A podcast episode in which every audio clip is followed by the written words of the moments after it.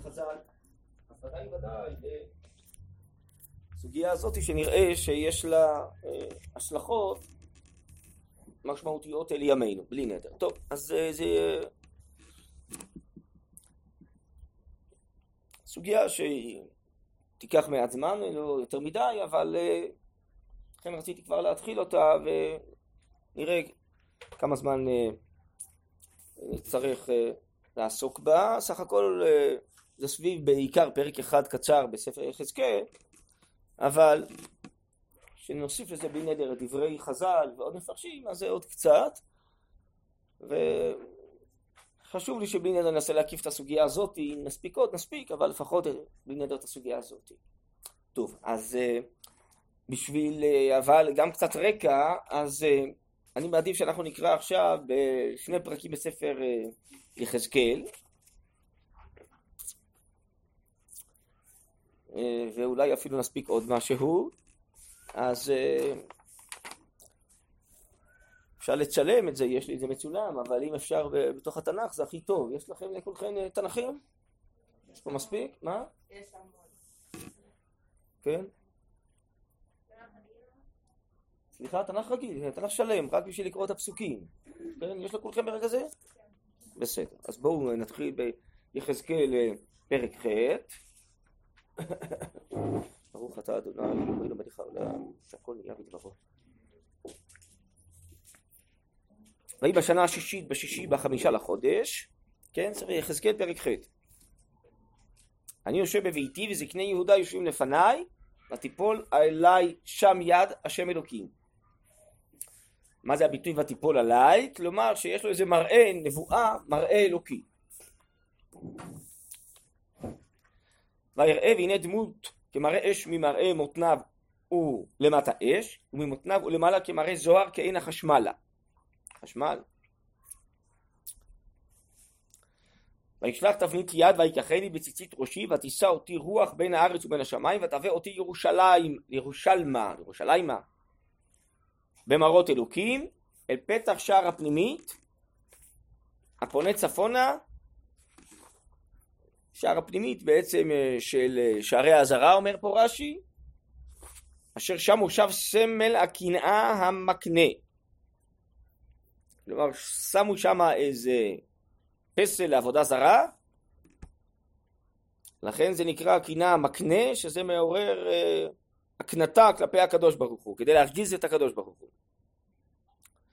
הנה שם כבוד אלוקי ישראל כמראה אשר ראיתי בבקעה אומר אליי בן אדם שא עיניך דרך צפונה? עשה עיני דרך צפונה והנה מצפון לשער המזבח סמל הקינה הזה בביאה. אומר אליי בן אדם הרואה אתה מה הם עושים? תועבות גדולות אשר בית ישראל עושים פה לרוחקה מעל מקדשי? ועוד תשוב תראה תועבות גדולות. ויבא אותי אל פתח החצר וירא והנה חור אחד בקיר. אומר אליי בן אדם חתור נא בקיר ויחתור בקיר והנה פתח אחד. אומר אליי בואו ראה את התועבות הרעות אשר הם עושים פה. ואבוא וירא והנה כל תבנית רמס ובהמה שקץ. וכל גילולי בית ישראל מחוקי על הקיר סביב סביב. מה, כל מיני ציורים של רמז בהמה ושקצים על uh, קיר, קיר של אה, אחת הלשכות שם, ושבעים איש מזקני בית ישראל, ויוזניהו בן שפן, שהיה אדם חשוב מאוד בדורו, עומד בתוכם, עומדים לפניהם, ואיש מקטרתו בידו, ועתר ענן הקטורת עולה. מה הם עושים? הם מקטירים לעבודה זרה. ומתואר פה שבעים איש מזקני בית ישראל, שהם כנראה אנשים זקנים וחשובים. ועוד האיש הזה החשוב, יוזניהו בן שפן, עומד בתוכם. ויאמר אלי, הראית בן אדם אשר זקני בית ישראל עושים בחושך, איש בחדרי משכיתו? כי אומרים, אין השם רואה אותנו, עזב השם את הארץ. ככה הם אומרים, ולכן הם עושים, ככה מסבירים לנביא את מה שהם עושים, וזה בתוך בית המקדש. כלומר שבעצם עזב השם את הארץ, כן, עזב את בית המקדש, ועכשיו אנחנו יכולים לעשות מה שאנחנו רוצים, נכון? ככה בעצם אה, משמע. ויאמר אליי עוד תשוב תראה את אוהבות גדולות אשר הם העושים זה בהדרגה פה כן הוא אומר לו כל פעם אה, בוא נתקדם ותראה בהתחלה מה שיש שם ועוד תראה דברים אה, נוספים ויבא אותי אל פתח שער בית השם אשר אל הצפונה הנה שם הנשים יושבות מבכות את התמוז מה זה התמוז? יש בזה כמה הסברים אחד מהם שזה מין דמות כזאת פסל שהיו מחממים זה היה מעופרת והוא היה מתחיל אה, אה, ליזול, אה, זה, היו מתיחים אותו ואז אה, זה נקרא כאילו הוא מתחיל לבכות. זה מבכות את התמוז. שהן עצמם היו בוכות, יש בזה כל מיני הסברים בעצם. ויאמר אליי, ראית בן אדם, או תשוב תראה תועבות גדולות מאלה. כן? אז הנה עכשיו עוד תשוב לראות דברים עוד יותר בעצם אה, גרועים. הווה אותי לחצר בית השם הפנימי והנה פתח היכל השם בין האולם ובין המזבח כעשרים וחמישה איש אחוריהם אל היכל השם ופניהם קדמה. והם משתחווים? קדמה לשמש. כלומר עומדים בתוך ההיכל מפנים את הגב להיכל כן? למערב שזה פתח אה, הופעת השם שם במקדש, והם משתחווים הפוך, למזרח, לשמש. הם עומדים. שם בהר הבית, כן, בין האולם ובין אה, המזבח. אומר אליי, ראית בן אדם הנקה לבית יהודה מעשות את התועבות אשר עשו פה? כי מלאו את הארץ חמאס. וישובו להכיסני והנם שולחים את הזמורה אל אפם. כלומר, הם יגמרו, יגרמו לעצמם אה, שיענשו. וגם אני אעשה בחמא, לא תחוס עיני ולא יחמול, וקראו באוזניי קול גדול ולא ישמע אותם. כלומר, בעצם אני אחריב את בית המקדש. כל זה זה בסוף ימי בית ראשון, שהפסוקים מתארים מה בעצם גרם לחורבן. עכשיו נמשיך לפרק ט', שזה הפרק אה, המרכזי שבלי נדר אה, נתמקד פה. כן. זה נבואה שבנבואה מראים לו את הדבר האמיתי. הוא לא באמת, אה, כך משמע, הלך לתוך בית המקדש, אלא במראה נבואה בעצם הראו לו מה קורה בתוך בית המקדש. אה, אה, טוב, לא יודע. לא יודע, אולי כדי שלא רק יראה, אלא כדי שהקדוש ברוך הוא יסביר לו מעבר למציאות יש שרואים מה המשמעות של כל זה ומה אני עומד לעשות, וזה פה הרי חלק מהנבואה שהשם מודיע לו מה משמעות הדברים ומה הוא עומד לעשות. אז הוא מראה לו מה קורה, ומתוך כך בעצם אה, הוא אה, כבר מנבא לו את העתיד. הלאה, פרק ט' ויקרא באוזני קול גדול לאמור, קרבו פקודות העיר, ואיש כלי משחטו בידו. אז עכשיו אני שומע קול גדול, הוא אומר שהקדוש ברוך הוא קורא לפקודות העיר, צריך להבין מה זה, ואיש כלי משחטו בידו, והנה שישה אנשים באים. ובלי נדר נראה את זה, אבל זה כבר לא מראה נבואה רק מה שעתיד להיות, זה כבר מה שקורה בפועל, ביצוע החורבן. הנה שישה אנשים באים מדרך שער העליון אשר מופנה צפונה, ואיש כלי מפצו בידו, ואיש אחד בתוכם לבוש בדים, וכסת הסופר במותניו, ויבואו ויעמדו אצל מזבח הנחושת. ומגיעים שישה אנשים, שהם אמורים להשחית, ועוד איש שביעי שהוא לבוש הבדים וכסת הסופר במותניו. וכבוד אלוקי ישראל נעלה מעל הכרוב אשר היה עליו אל מפתן הבית. ויקרא אל האיש הלבוש הבדים אשר כסת הסופר במותניו. מה מתואר כאן? תחילת הסתלקות השכינה מבית המקדש. כי, כמו שכתוב גם בתורה, שהכל היה מדבר אל משה רבינו מבין שני הקרובים. הקרובים, לפי דעה אחת בחז"ל, היו מופנים אחד כלפי השני להראות את האהבה של הקדוש ברוך הוא לעם ישראל.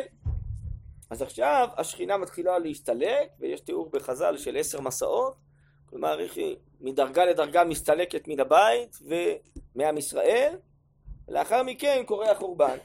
אז כאן זה השלב הראשון, כן, שהתחילה להסתלק החוצה. קודם כל מעל הקרובים. ואז קוראים לאיש הזה שיש לו כסף סופר, ואז השם אומר לו משהו לעשות. ויאמר השם אליו, עבור בתוך העיר, בתוך ירושלים, והתווית תו על מצחות האנשים הנאנחים והנאנקים, על כל התועבות הנעשות בתוכה. פשט הדברים, בעצם, שיש אנשים שהם נאנחים ונאנקים על כל התועבות, שזה לא מוצא חן הם נגד זה. אז אתה תרשום, שים איזה תו על המצח של אותם אנשים, שכנראה אלה הצדיקים, שאותם השחיתים שבאים להשחית את העיר, הם לא יפגעו בהם, כדי שהם ידעו, אותם השחיתים, מי זה הצדיקים. שהם נאנחים ונאנקים על כל העבודה זרה ועוד רעות שעובדים באותה תקופה. אז ככה משמע שהאיש הזה זה תפקידו, יש שישה אנשים זה תפקידם להשחית, והאיש הזה זה תפקידו בעצם להתוות תו על מצחות הצדיקים כדי שלא יקרה להם שום דבר. ולאלה אמר באוזניי, כלומר שמעתי את הכל אומר לאותם שישה אנשים, עברו בעיר אחריו והכו, אל תחוס עיניכם ואל תחמולו. זקן בחור ובתולה וטף ונשים תהרגו למשחית, על כל איש אשר עליו התו אל תיגשו. הנה, אז צריך להשחית את כולם, מלבד האנשים שיש עליהם את התו. וממקדשי תחלו. מה זה ממקדשי תחלו? לפי הפשט, ככה גם רש"י מבאר, תתחילו את הפורענות מהאנשים שעומדים בתוך המקדש. אולי זה הכוונה למה שקראנו קודם, או אותם 70 איש מזקני ישראל עם מאוזניהו בן שפן, או אותם אנשים, 25 איש, שעמדו אחוריהם להיכל השם ופניהם קדמה. כלומר, תתחילו מהאנשים שעובדים עבודה זרה בתוך בית המקדש. הנה, ויחלו באנשים הזקנים אשר לפני הבית. אז מה זה אנשים הזקנים אשר לפני הבית? אז או באמת זה הזקנים, השבעים איש הזקנים, או עשרים וחמישה איש האלה, שאומנם לא כתוב עליהם שהם זקנים, אבל אולי כוונה אליהם, כי הם עמדו לפני הבית. טוב, אז בלי נדע נצטרך לראות את זה. מי זה אותם אנשים זקנים, כן? זה אנשים זקנים שעבדו עבודה זרה.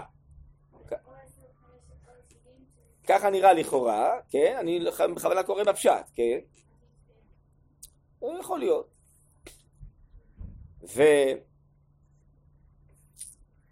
ותתחילו מהאנשים הזקנים שעובדים עבודה זרה בתוך המקדש, וממקדשי תחלו. ויאמר עליהם טמאו את הבית ומלאו את החצרות חללים, צאו ויצאו והיכו בעיר. ויהי כהכותם ונשאר אני, אני זה כנראה הנביא אומר על עצמו, ויפלה על פניי ויזעק ואומר אהה השם אלוקים המשחית אתה את כל שארית ישראל? בשופכך את חמתך על ירושלים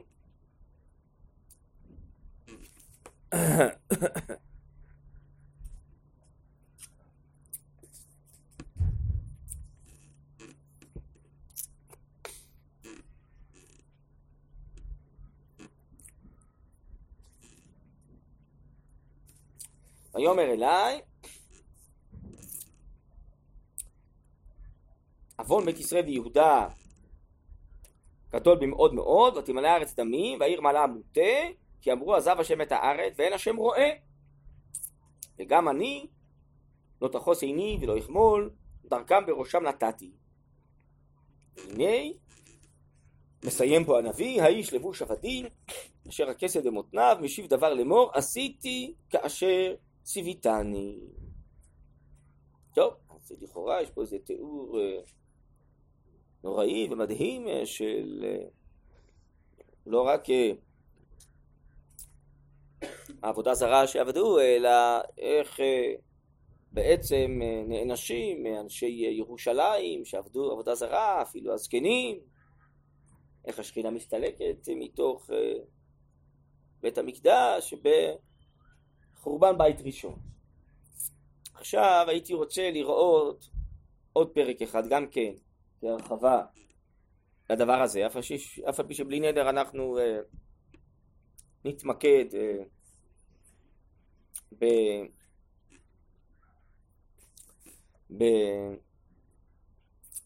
בפרק ט' כשנלמד יותר בעיון, אבל זה בירמיהו ל"ט אם אני לא טועה,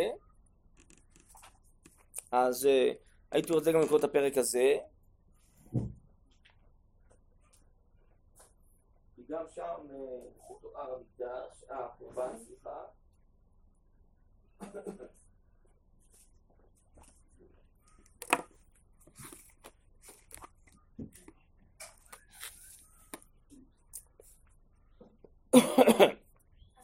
כן. כן, כן, כן. ישעיה זה תקופה אחרת, והם היו אה, בזמן אה, החורבן, ובעצם ראו ודיברו אה, על זה, וישעיהו הנביא לא היה בזמן החורבן, הוא בעיקר מדבר כבר על הגאולה העתידית, והוא דווקא מדבר לפני זה, חז"ל אומרים שהיו מזמן של ארבעה מלכים, אחז, חזקיהו, שאז מדבר ישעיהו, אבל בזמן החורבן עצמו הם היו, ירמיה ויחזקאל. אז אם אפשר עכשיו פרק ל"ט, פה מתואר החורבן, גם כן. בשנה התשיעית צדקיהו מלך יהודה בחודש העשירי בא נבוכדרצר מלך בבל וכל חילון ירושלים ויצורו עליה. בשתי עשר שנה לצדקיהו בחודש הרביעי, בתשעה לחודש, הובקעה העיר. ויבואו כל שרי מלך בבל וישבו בשער התווך. ומי זה שרי מלך בבל? נרגל, שר עצר, סמגר נבו, שר שכים, אה, רב אה, סריס, נרגל, שר עצר, רב מג, וכל שארית שרי מלך בבל. ויהי כאשר רעם צדקיה מלך יהודה וכל אנשי המלחמה ויברחו ויצאו לילה מן העיר דרך גן המלך בשער בין החומותיים ויצא דרך הערבה.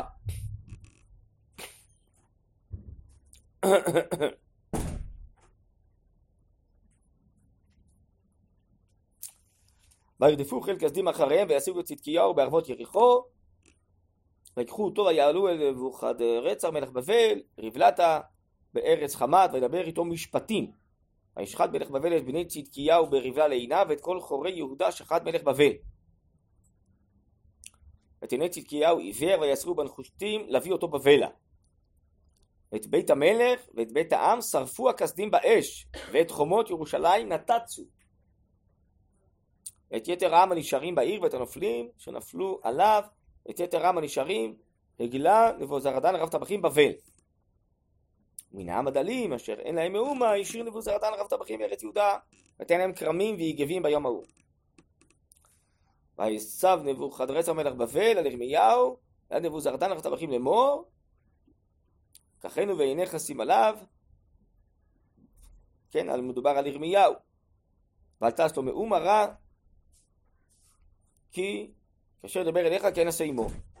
וישלח נבוזרדן רב טבחים ונבוש זבן רב סריס ונרגל סרצר, רב מג, וכל רבי מלך בבל. וישלחו ויקחו את ירמיהו מחצר המטרה, ויתנו אותו אל גדליהו בן אחיקם בן שפן להוציאו להוציאו אל הבית וישב בתוך העם, כן? אחרי זה גדליהו הוא זה שהנהיג את העם שנשאר, אחרי זה היה איזה קשר והרגו אותו, וזה צום גדליה שיש לנו בג' בתשרי. ולירמיהו, היה דבר השם בהיותו עצור בחצר המטרה לאמור, הלוך ואמרת לעבד מלך הכושי לאמור, כה אמר השם צבקות אלוקי ישראל, הנני מביא את דבריי אל העיר הזאת לרעה ולא לטובה. היו לפניך ביום ההוא. אותם דברים שגם ירמיהו ניבא, ומה שראינו קודם שהשם אמר ליחזקאל, נתתיך ביום ההוא נאום השם ולא תינתן ביד האנשים אשר אתה יגור מפניהם. כן, כי הרי רדפו אחריו שהוא ניבא שיהיה חורבן ירושלים וזה לא מצא חן בעיני האנשים ורצו להרוג אותו. כי מלאת עמלתך ובחרב לא תיפול והייתה לך נפשך לשלל כי פתחת בי נאום השם. טוב, אז בקיצור, מה שאנחנו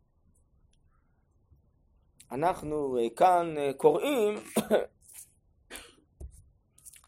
זה על אה, הביצוע כבר בפועל שבעצם מלכות בבל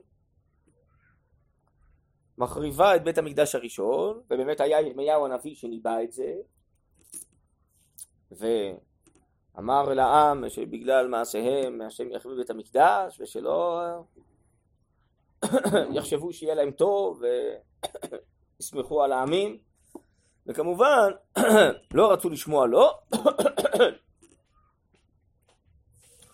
ופה מתואר שבאמת זה קורה והשם אה, מציל אותו.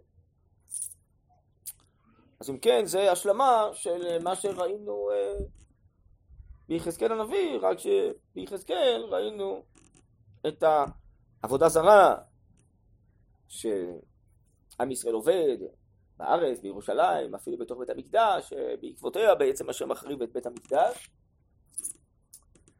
ובעצם את התהליך הזה שמופיע בפרק ט', שהוא אה, פסוקים אה, קצרים, אבל אה,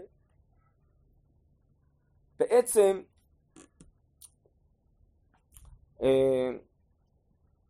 הפסוקים האלה טמון בהם הרבה. אז אני רק אולי אגע בנקודה המרכזית, מה שהזכרתי קודם, שחז"ל מבינים אחרת בין הפסוקים, אז אני כבר אסביר את הנקודה הזאת עכשיו, שלאורה בלי נדר נוכל להמשיך את הלימוד. אז uh, עוד פעם אולי, בבקשה תסתכלו בפרק ט', uh, נגיד בפסוק ד', קראנו שמה, ויאמר השם אליו, לאיש הזה עם כסת הסופר, אבוא בתוך העיר בתוך ירושלים והתווית התו על מצחות האנשים הנאנחים והנאנקים על כל התועבות הנעשות בתוכה. דהיינו, יש אנשים שנאנחים ונאנקים ולא רוצים את כל התועבות, אז הפשט הוא אתה תתווה תו, כדי שכשיבואו אנשי הפורענות הם לא יפגעו בהם. בסדר? ואחרי זה, פסוק ה' ולאלה אמר, דהיינו לאנשים שמשחיתים באוזני, עברו בעיר אחריו והכו, אל תחוס עיניכם ואל תחמולו. ואז זה מתחיל בפסוק ו' זקן, בחור ובתולה, ותב אנשים תהרגו למשחית, ועל כל איש אשר עליו התו אל תיגשו. ומי מקדשי תחלו, עד כאן הציווי, מכאן ואילך, ויחלו באנשים מסכימים שלפני הבית.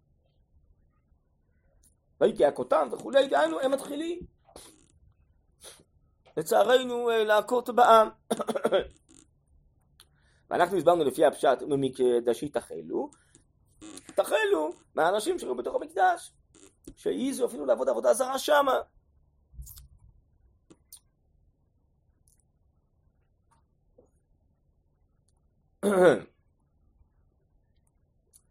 וכתוב, ויחלו באנשים משכילים אשר לפני הבית.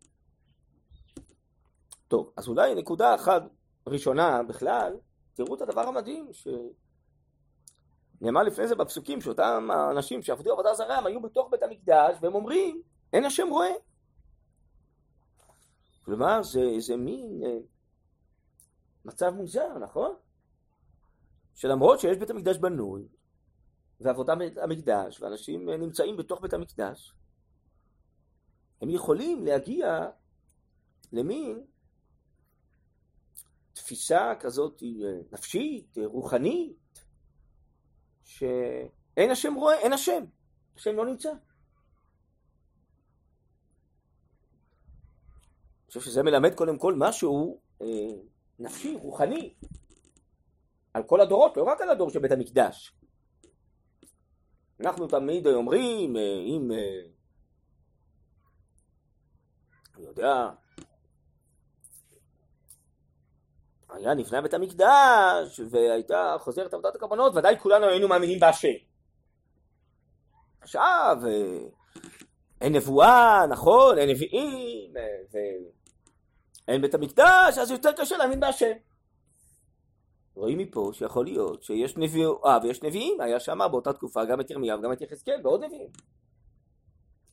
והיה בית המקדש, אף על פי כן הגיעו אנשים ממצב כזה רוחני, אה, נפשי, שאין השם. כלומר זה לא בהכרח תלוי זה בזה.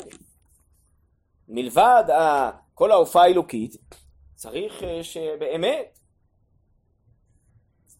יהיה גם מהלך נפשי, רוחני, אה, לימודי, חינוכי, שנפתחים לזה.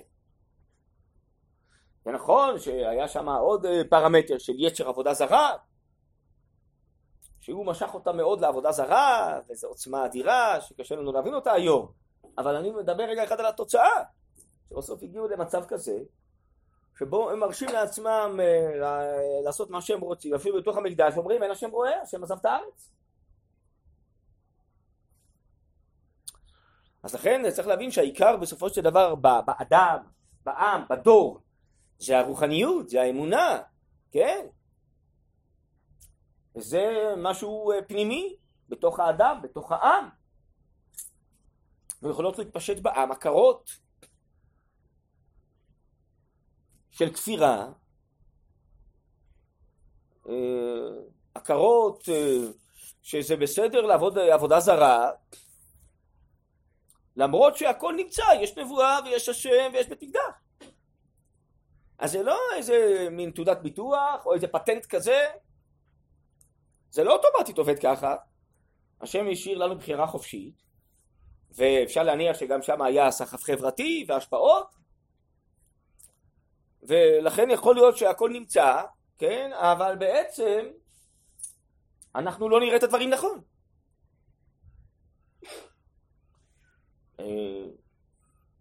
נשליך את זה רגע לימינו, אני יודע אפילו שאין לנו את כל הדברים האלה, אבל אנחנו חוזרים לארצנו, ויש פה סייעתא דשמיא עצומה וכולי.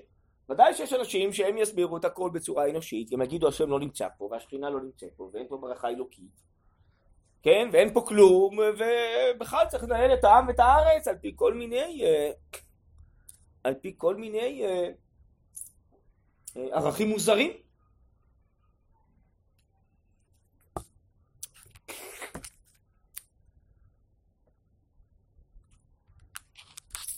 כן? ודברים יכולים uh, להתפשט,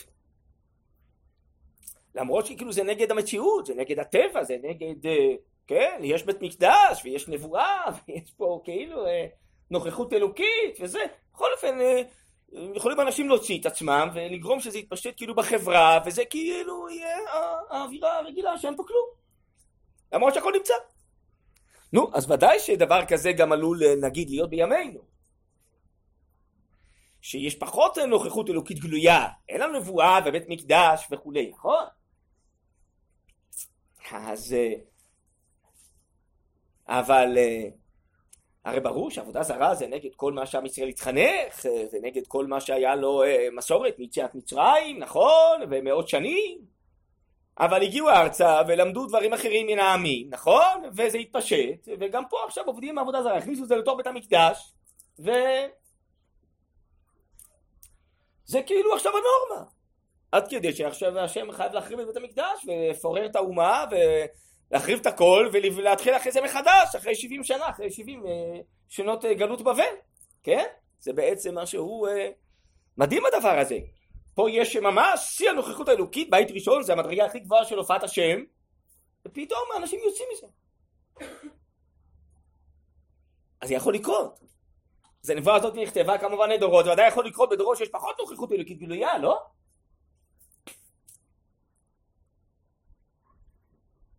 וכאילו צריך מאוד זהירות, וצריך להיות נאמנים לתורה ולמסורת אה, אלוקית של הנבואה ולמסורת של חז"ל ולדעת את הדברים האמיתיים משמעיה וצריך אה, להיות אה, צמודים ונאמנים לזה, אי אפשר לסמוך על מה שבני אדם בחברה, בתרבות, מתפשט, יכול להיות שמתפשטים דברים הפוכים לגמרי מכל האמת, מכל הצדק, מכל הטבע ופתאום הם מופיעים והם נהיים הנורמה ועובדים עבודה זרה בתוך המקדש בסדר? ניקח את זה, אולי נשליך את זה לימינו אה, בנושא, כן? לא של עבודת השם ואמונה וקדושה, בנושא הזה של אה, נגיד הנורמליות, שיש אה, צלם אלוקי ויש משפחה ויש אבא ואימא ויש זה ופתאום עכשיו משהו משתלט ורוצה לשנות את כל העולם ואת גם עם ישראל, כן? אפילו בדרך שקדמה לתורה. זה משהו מוזר.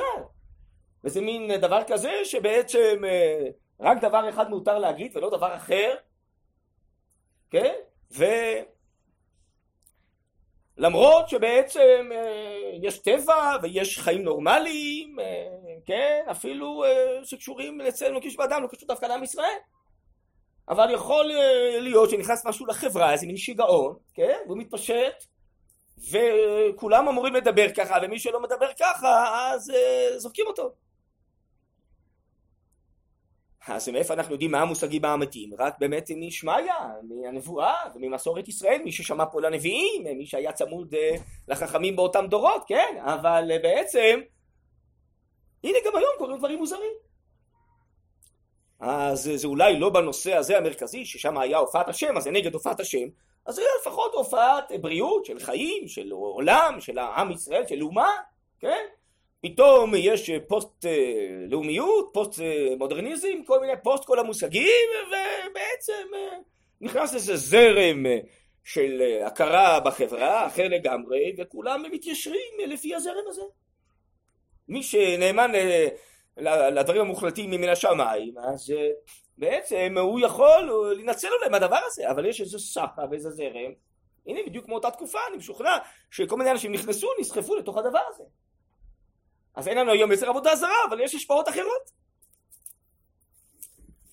לא יודע אם אתן מעודכנות, אבל שאתמול התבשרנו שבמסמכים של הצבא כבר אסור לכתוב אבא ואימא.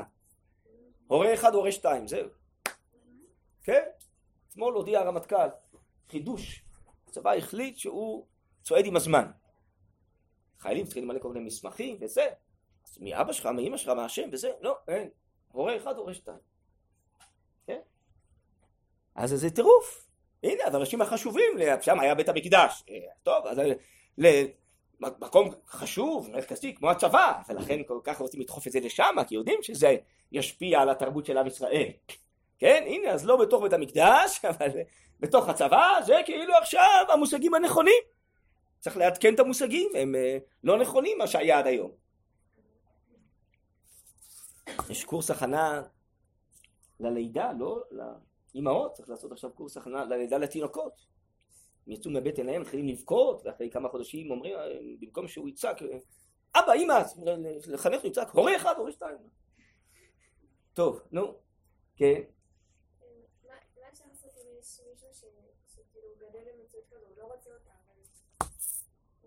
יש לי מושג כזה בחז"ל שנקרא תינוק שנשבע.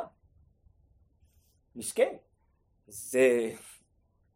אולי הוא יזכה להתוודע לאור האמת, כמו שיש כל מיני אנשים, אפילו חילוניים היום, שאומרים, אה, לא גילו לנו שיש אה, אור תורה וקדושה וכזאת מתיקות של תורה ואור של תורה, והם מגלים את זה וחוזרים בתשובה. אפשר להתפלל רק על אחד כזה, מה אפשר לעשות? מסכן. זה נקרא תינוק שנשבע. זה הביטוי הזה ששבו, היו שובים יהודים בין הגויים והתחנך אה, כגוי באיזה מקום, בכלל לא ידע שהוא יהודי והוא לא הכיר את התורה, מה אפשר לעשות? יכולים לגדול היום אנשים במדינה זה מה שהם רוצים, שמהגנים כבר אה, הם ישמעו את זה, ועל זה הם יגדלו, הם בכלל לא ידעו מושגים אחרים. כן? בסדר? למה אני מזכיר את זה, ואני צריך פה לסיים, אבל uh, האנשים הנכים והנאנקים זה אלה, נכון, הצדיקים שלא הסכימו לכל מה שקורה, נכון?